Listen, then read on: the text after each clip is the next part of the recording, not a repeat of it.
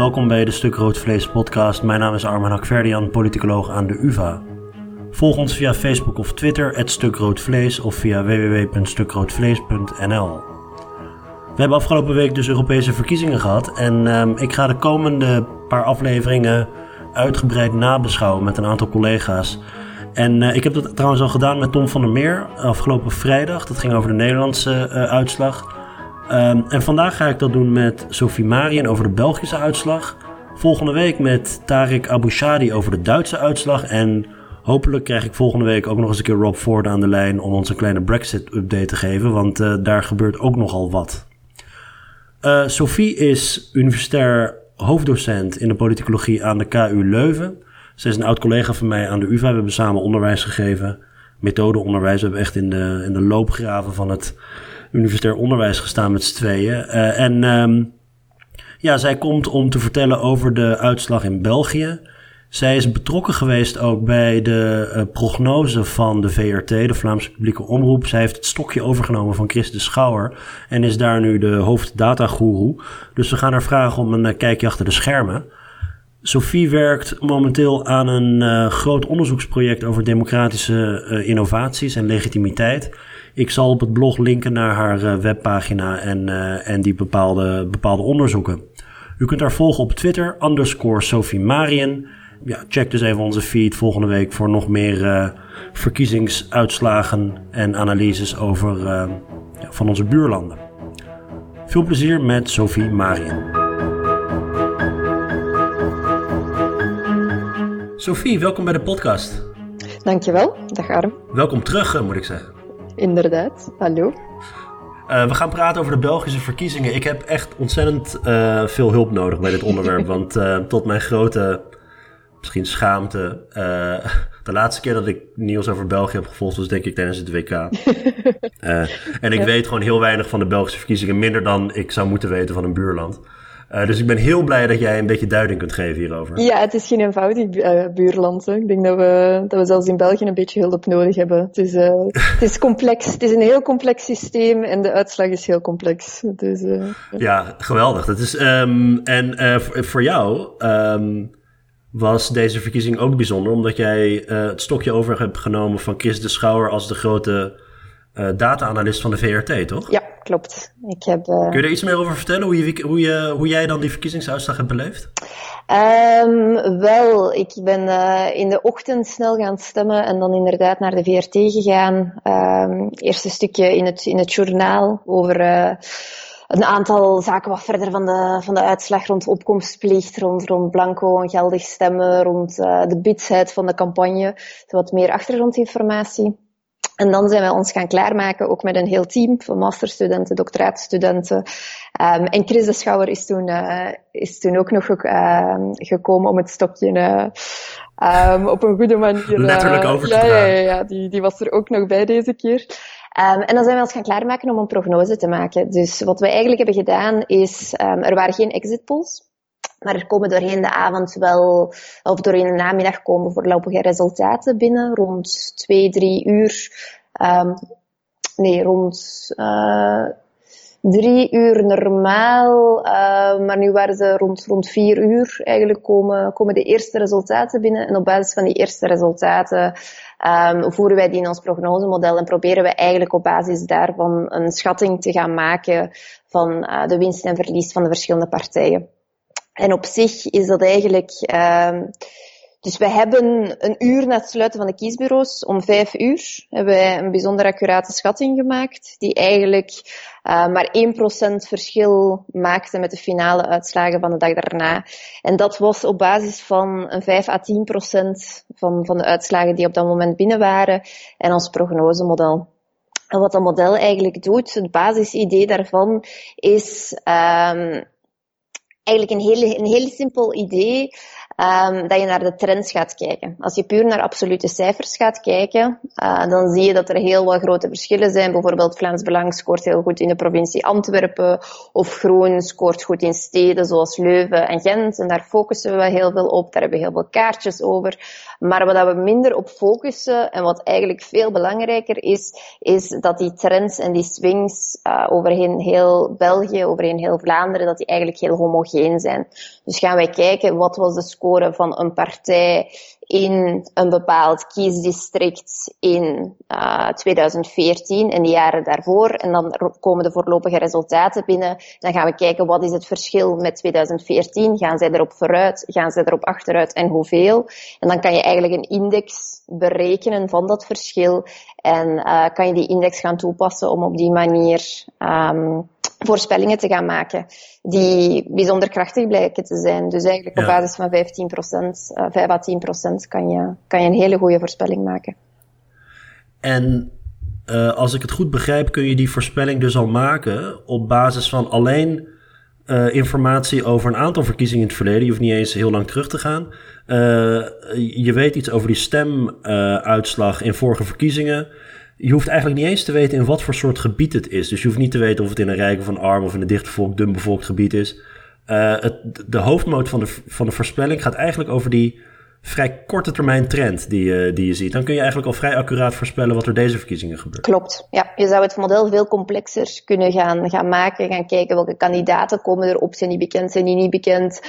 Um, hoe rijk, hoe arm, is het een stad, is het platteland, dat zou je allemaal in dat model kunnen gaan steken. Maar eigenlijk hoef je al die complexiteit, heb je die niet nodig. Puur het verschil, wat was de score in 2014, wat komt er nu binnen, hoe ziet die trend eruit? En ja. dan die trend gaan toepassen op uh, gebieden waar dat je nog geen informatie van hebt.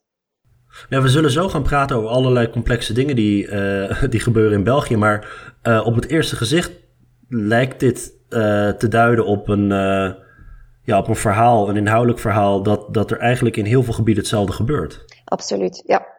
Je hebt eigenlijk een, uh, een, nationalisering van de politiek, zoals we, kunnen, zoals we dat zouden kunnen benoemen. En daar focussen we eigenlijk niet zoveel op. We hebben het heel vaak over personen of over uh, bepaalde regio's uh, waar de trend net iets anders is. Maar dat zijn eigenlijk allemaal verhalen in de marge. Als je een heel sterk kopstuk hebt, kan die soms het verlies wat minder maken, de winst wat groter maken. Maar eigenlijk het grote verhaal is dat, dat de trends dat die heel gelijkaardig zijn overheen heel uh, Vlaanderen.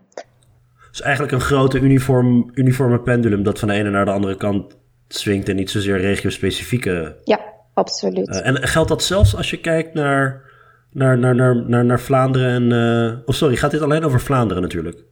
De, uh, de, de, trends, breed? de, trends, zijn eigenlijk België, België breed. Dus Vlaanderen en Wallonië stemmen en Brussel stemmen duidelijk heel anders. Maar de trends zijn wel, zijn wel homogeen. Ja, ja, ja. En uh, misschien uh, nog even over jouw rol als, uh, als, als de data-guru dan van de VRT. Wanneer maak je nou voor jezelf de beslissing: oké, okay, nu is die uitslag stabiel genoeg en we brengen hem naar buiten op tv? Dat is gigantisch spannend, hè? zeker voor de eerste keer. dus daarom was ik ongelooflijk blij dat Chris de Schouder toch nog bij was om, om exact met die dingen, om exact mee, mee te helpen om die beslissing te maken. Dus um, om vier uur zijn de kiesbureaus gesloten. Om, om half vier waren al de, de, eerste, de eerste uitslagen binnen. Um, en om vijf uur dus op basis van een 5% van de stemmen, als je dat nu vergelijkt met de finale uitslag, was dat de uitslag. Nu, om iets voor vijf waren er echt nog wel wat grote veranderingen, dus dan wacht je. Um, en dan hebben we eigenlijk tussen vijf en half zes gewacht. En tussen vijf en half zes, als we dan iedere keer naar het model keken, die resultaten die bleven echt heel stabiel. Er waren veranderingen achter te komen. En dan denk je van oké, op dit moment is het echt wel heel stabiel. En je probeert dan natuurlijk de nodige voorzichtigheid aan de dag te brengen. Niet van dit is de uitslag, maar uh, het lijkt erop dat het er zo gaat uitzien. Met mogelijk nog uh, een procent meer of minder. Um, en ja, het was, het was heel spannend. Hè. Dus de afgelopen 30 jaar zat Chris er echt uh, ontzettend dichtbij. En uh, dit jaar blijkt dat ook te zijn. Dus daar was ik wel heel blij mee. En bij jullie sluiten de, de, de stembureaus dus vrij vroeg al? Ja, dus je kan vanaf 8 uur uh, gaan stemmen. Als je stemt Um, op papier, dan sluit het om twee uur. Dus heb je tussen acht en twee de tijd. Als het elektronisch is, dan kan je tot vier uur gaan stemmen. Ja. Ja. Hey, even over de uitslagen dan. Ja. Want um, wat zijn de, uh, ja, laten we zeggen, de takeaways van deze Belgische federale verkiezingen? Het gaat niet goed met de democratie. oh. Nou. Dat, uh, Hoppakee. Ja, ja. nee, de, de, de takeaways zijn, zijn degene die je eigenlijk... Het, het is geen uniek Belgisch verhaal. Het, het, wat, wat uniek Belgisch is, is dat Vlaanderen en Wallonië heel anders hebben gestemd. Maar als je dan bijvoorbeeld uh, gaat, gaat kijken naar Vlaanderen, dan zie je een heel bekend beeld in de zin van uh, alle traditionele partijen verliezen. Uh, er is een vlucht uit het midden, de uitersten doen het goed. Er is een fragmentatie, de grote partijen worden kleiner, de kleine partijen worden groter. Dus ik vermoed dat dat voor Nederland ook wel als een, als een bekend verhaal in de oren klinkt. Ja, nou, ik zag een, een collega van ons, Ruud Dazonneville, die had getweet dat, er, dat, dat het een Dutchification was van Belgische ja. politiek. Ja. Dacht ik van, ja, hallo, jullie waren echt wel een aantal jaar eerder met die, met die versplintering hoor. ik heb ja. nog vijf jaar geleden heb ik een stuk geschreven uh, op ons blog uh, met de vorige Provinciale Statenverkiezingen. Uh, dat ik het noemde Belgische toestanden in de Nederlandse Senaat. ja, um, ja. Nee, het is fijn dat, dat wij dat hebben overgenomen. Dat het, uh, ik dacht ook altijd dat in de literatuur en de politicologie, dat, dat versplintering in België, dat dat een beetje samenviel. Maar nou, zijn, nou is het blijkbaar Nederland dat, dat, dat de trendsetter is. Ja, als je, als je inderdaad naar dat grafiekje van Ruud kijkt, dan zie je, we hadden drie partijen na de Tweede Wereldoorlog. En vandaag zijn dat er elf effectieve partijen. Dus eigenlijk nog meer, maar als je dan enkel degene die, die iets of wat stemmen hebben gehaald, dan ga je van drie naar elf. Dus, dus qua versplintering inderdaad is dat, uh, is dat gigantisch. En die traditionele partijen die verliezen, dus bijvoorbeeld uh, de, de Christendemocraten, die, uh, die zijn uh, bijna, ja, die hebben bij, bijna verdrie, nou wat is het omgekeerde van verdrievoudigd? drie keer zo klein als, als, als ja. Ja, ja, een paar decennia geleden. Ja, dus inderdaad, die komen van... Sociaaldemocraten ook trouwens. Ja, ja, die komen van 40 procent en vandaag is dat dan een 14, 15 procent. Dus dat was de grote volkspartij van Vlaanderen. En het, het grappige is dat je soms in het discours ook leest, hè, wie, wie gaat die grote volkspartij overnemen? Is nu de N-VA de grote volkspartij? En ja, de, de N-VA is uiteraard groter, maar ik denk gewoon dat de tijden van de grote volkspartij voor gedaan zijn. Dat dat, dat een oud discours is. En als we vandaag kijken, dan uh, zie je gewoon dat al die partijen veel, veel kleiner worden. Dat inderdaad de, de Christen-Democraten hadden gemikt op 20 procent. Dat was hun doel, want eigenlijk zaten zij in 2014 al bijzonder laag op een historisch dieptepunt, maar ze zijn dus nog meer gedaald naar een nieuw historisch dieptepunt. Ook Sociaaldemocraten zitten op een 10, 11 procent en zij zaten ook al heel laag, hebben nog meer verloren. Um, wat wel zo is, ze zijn nog altijd wel de marktleider, als je het zo kan noemen, op, op links. Want er waren heel wat peilingen waarbij Groen ook in Vlaanderen um, de wind in de zeilen had. Um, en ze zijn erop vooruit gegaan, maar ze zijn toch wel ver onder de verwachtingen gebleven. De Sociaaldemocraten zijn nog net iets, iets groter. Um, maar ze zitten echt wel op een dieptepunt. En als je nou kijkt naar waar die kiezers van die traditionele partijen zijn heen gegaan de afgelopen, nou ja, laten we zeggen, laten we een langere tijdsperiode nemen, 10, 10 15 jaar. Waar vinden ze dan onderdak? Ja, dus je ziet heel duidelijk dat, dat kiezers minder trouw zijn gebleven, dat ze meer wisselen.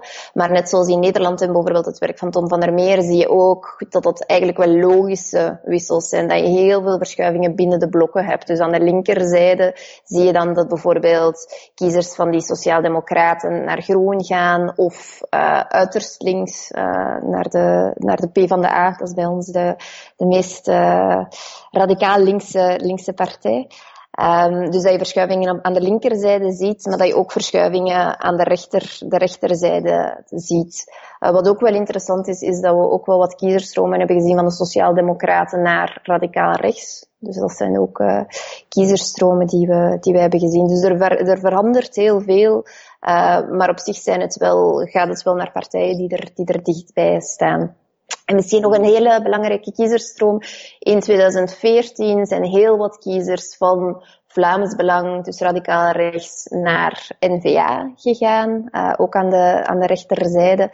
Um, en nu dat grote succes van Vlaams Belang zijn een stuk van de kiezers die, die, zijn, die zijn teruggekomen. Dus daar lijkt het wel, wel heel duidelijk op um, dat daar terug een verschuiving heeft plaatsgevonden. Ja, want dat, dat is denk ik het, het verhaal dat ik het meest in, in ieder geval de Nederlandse media zag. Is dat het Vlaams Belang zo'n verkiezingsoverwinning heeft geboekt.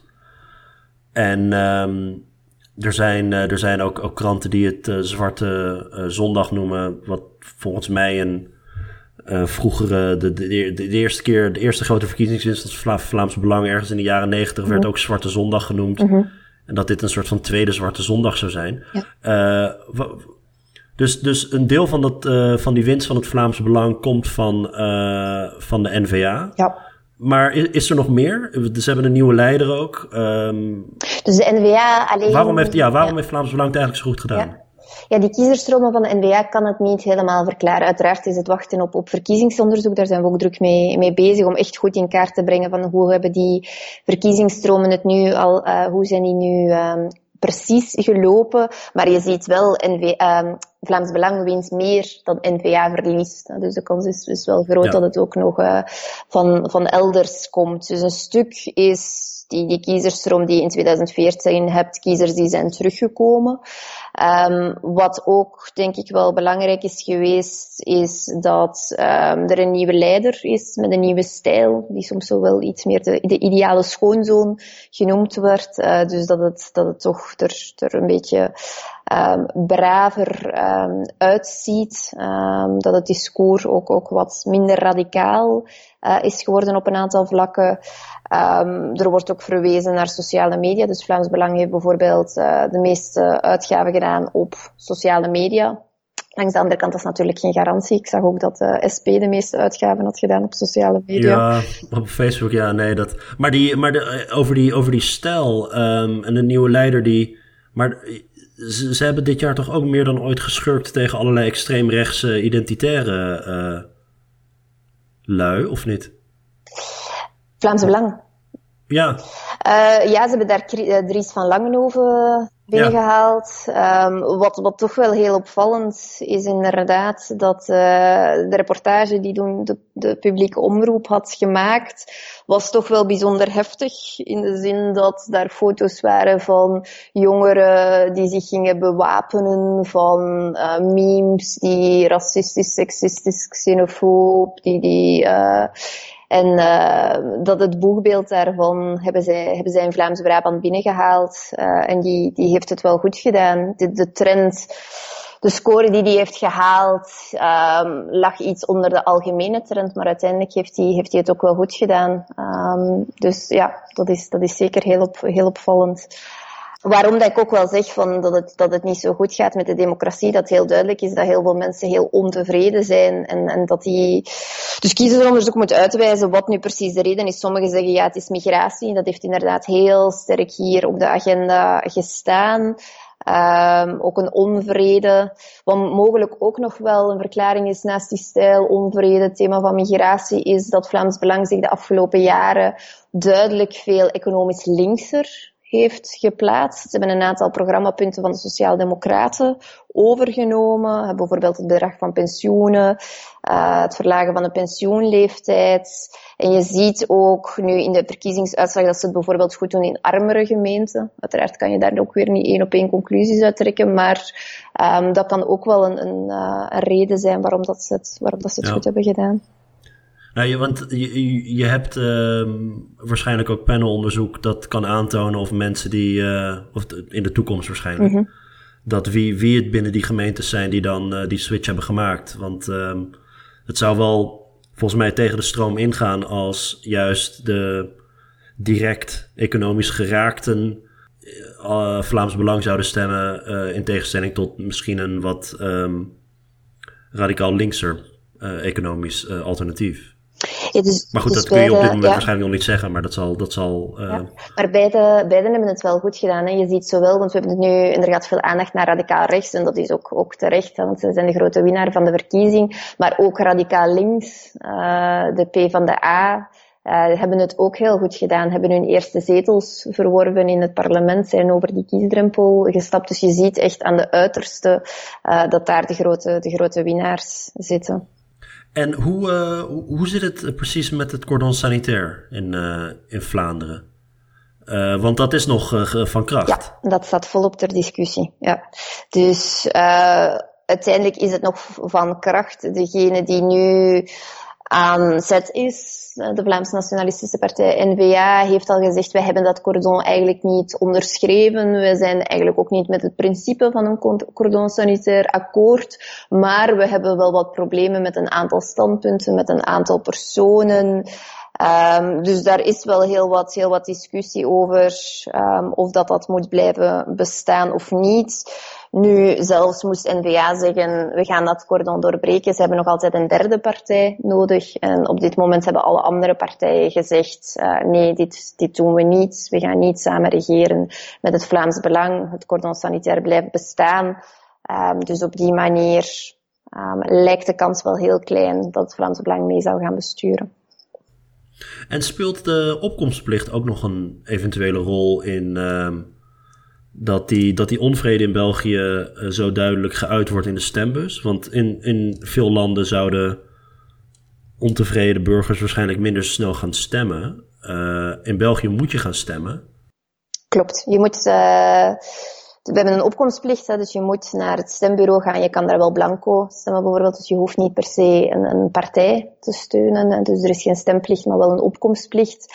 En het gevolg daarvan is dat 90% van de bevolking inderdaad um, naar de stembus trekt. Dus dat we een hele hoge opkomst hebben en dat die onvrede dat die ook wel heel duidelijk wordt in het systeem, waar dat in andere landen je een lage opkomst hebt die je dan gaat interpreteren van, heeft dat dan te maken met tevredenheid, ontevredenheid, dat mensen niet komen. Ja. Is er hier een echt een heel duidelijke vertaling als mensen ontevreden zijn, dan uit dat zich heel duidelijk in, in antisysteempartijen, in, in, protest, in proteststemmen. En bijvoorbeeld wetenschappelijk onderzoek heeft ook wel aangetoond dat dat wel positief kan zijn, omdat je dan die vertegenwoordiging in het parlement hebt van die onvrede. Dus op, dat, op dat vlak um, kan dat wel positief zijn, maar het maakt natuurlijk de puzzel samen met cordon sanitaire wel, wel heel ingewikkeld, aangezien dat er toch een, een 20% van de stemmen zijn, bijna die, uh, um, die je niet gaat gebruiken of die je niet kan gebruiken om een coalitie te gaan vormen. Ja, en uh, die, uh, wat zijn de consequenties als je niet gaat stemmen? Want 10% stemt uh, dus blijkbaar niet. Ja, een stukje heeft dat ook wel te maken met, um, dus je hoeft je niet te registreren, je bent automatisch geregistreerd. Dus die 10% kan zelfs nog een beetje lager liggen van mensen die, um, met de registers die niet, die niet helemaal, die niet helemaal kloppen. Dus dat is niet allemaal bewust. Mensen die niet gaan, um, gaan kiezen. Um, de gevolgen ervan zijn, in de wet staat dat je een sanctie kan krijgen. Dat kan een financiële uh, sanctie zijn, dus een boete. Um, en de, de ergste sanctie is dat je, dat je van je burgerrechten ontnomen wordt. Dus dat is toch wel een zekere ironie die daarin zit. Zo. Uh, ja. Maar... Uh, Als je niet gaat stemmen, mag je niet meer gaan stemmen. Absoluut, ja. Um, maar dat is dus, dat, dat staat in, in, in de wet, in de praktijk. Worden die sancties niet uitgedeeld, is dat geen prioriteit om dat te doen. En daar wordt ook de laatste jaren heel duidelijk over gecommuniceerd. Van, uh, er zijn geen sancties.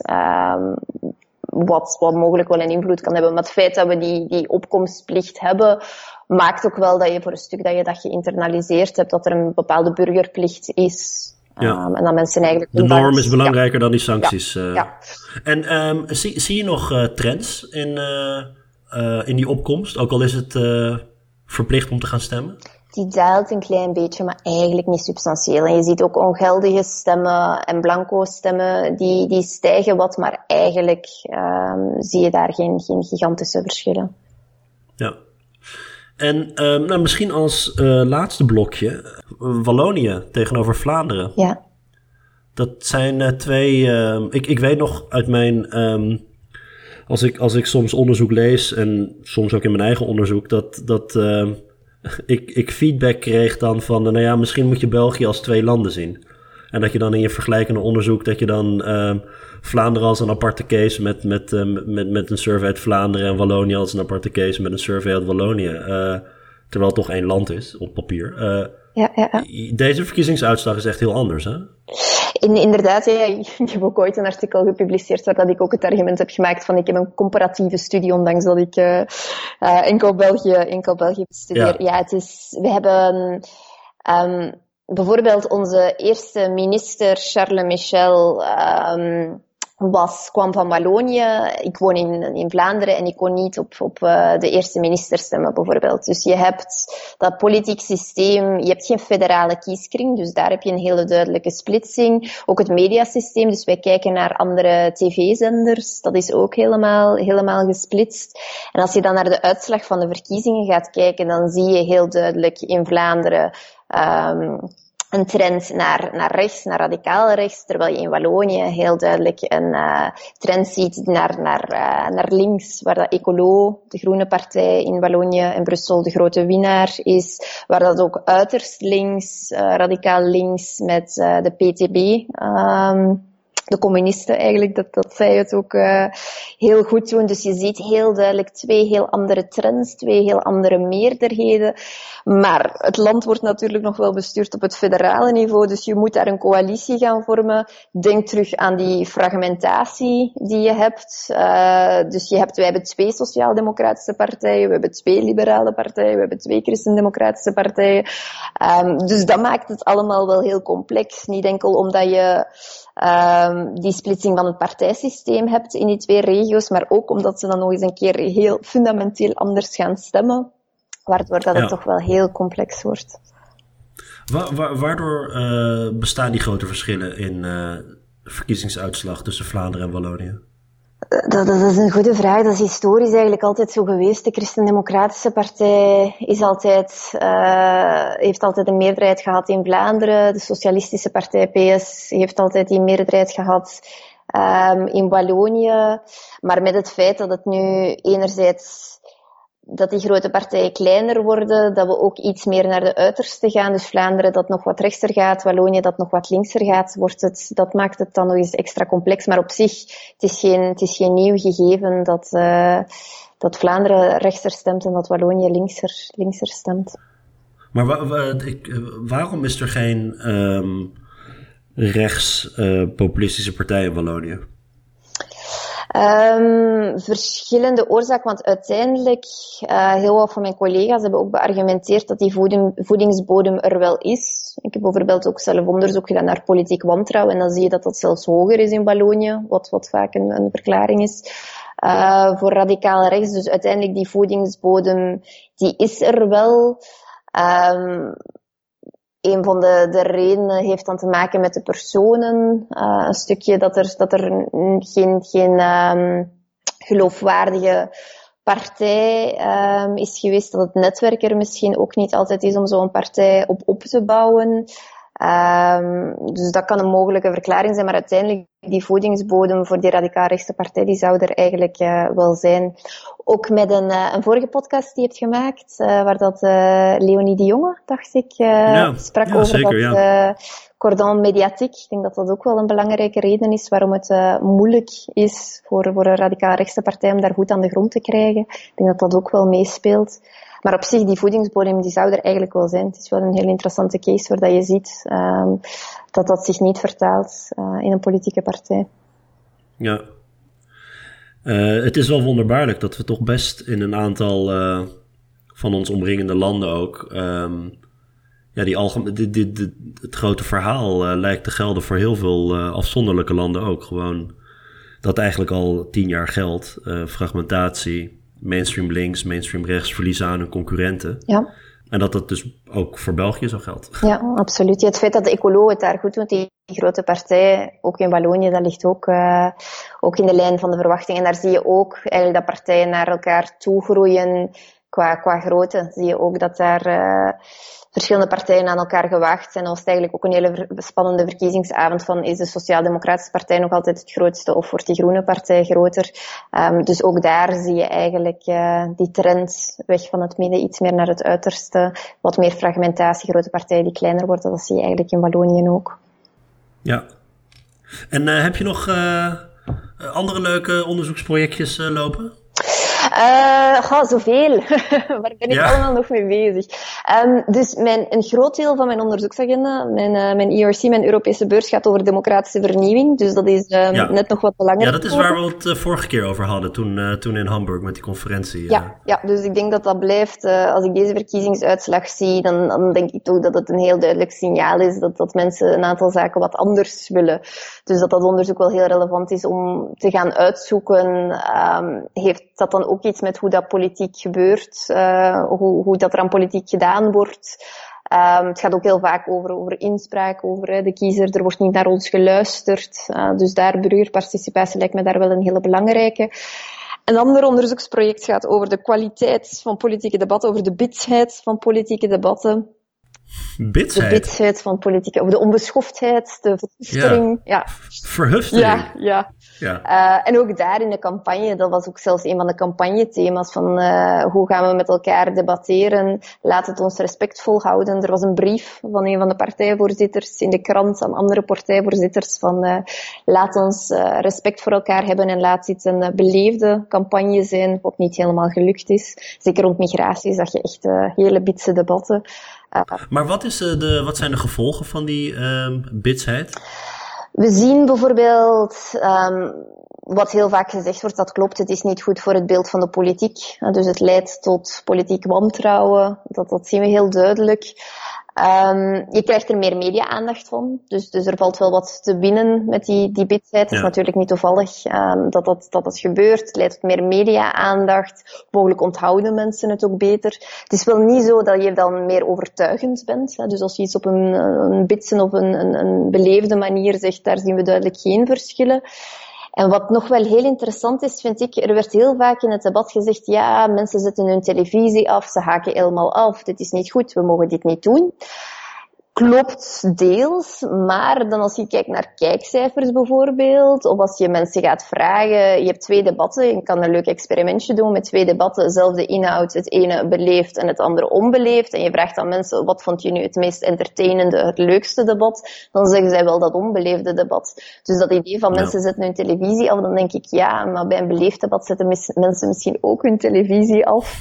Ja, ze zetten gewoon een televisie af bij een politiek debat. Ja, dus het, het, het, het is duidelijk niet goed voor de politiek, maar het is een beetje te eenvoudig om te zeggen, als we het allemaal beleefd gaan doen, gaan al die mensen naar die debatten kijken. En dan, uh, ik denk dat het niet zo eenvoudig als, als dat is.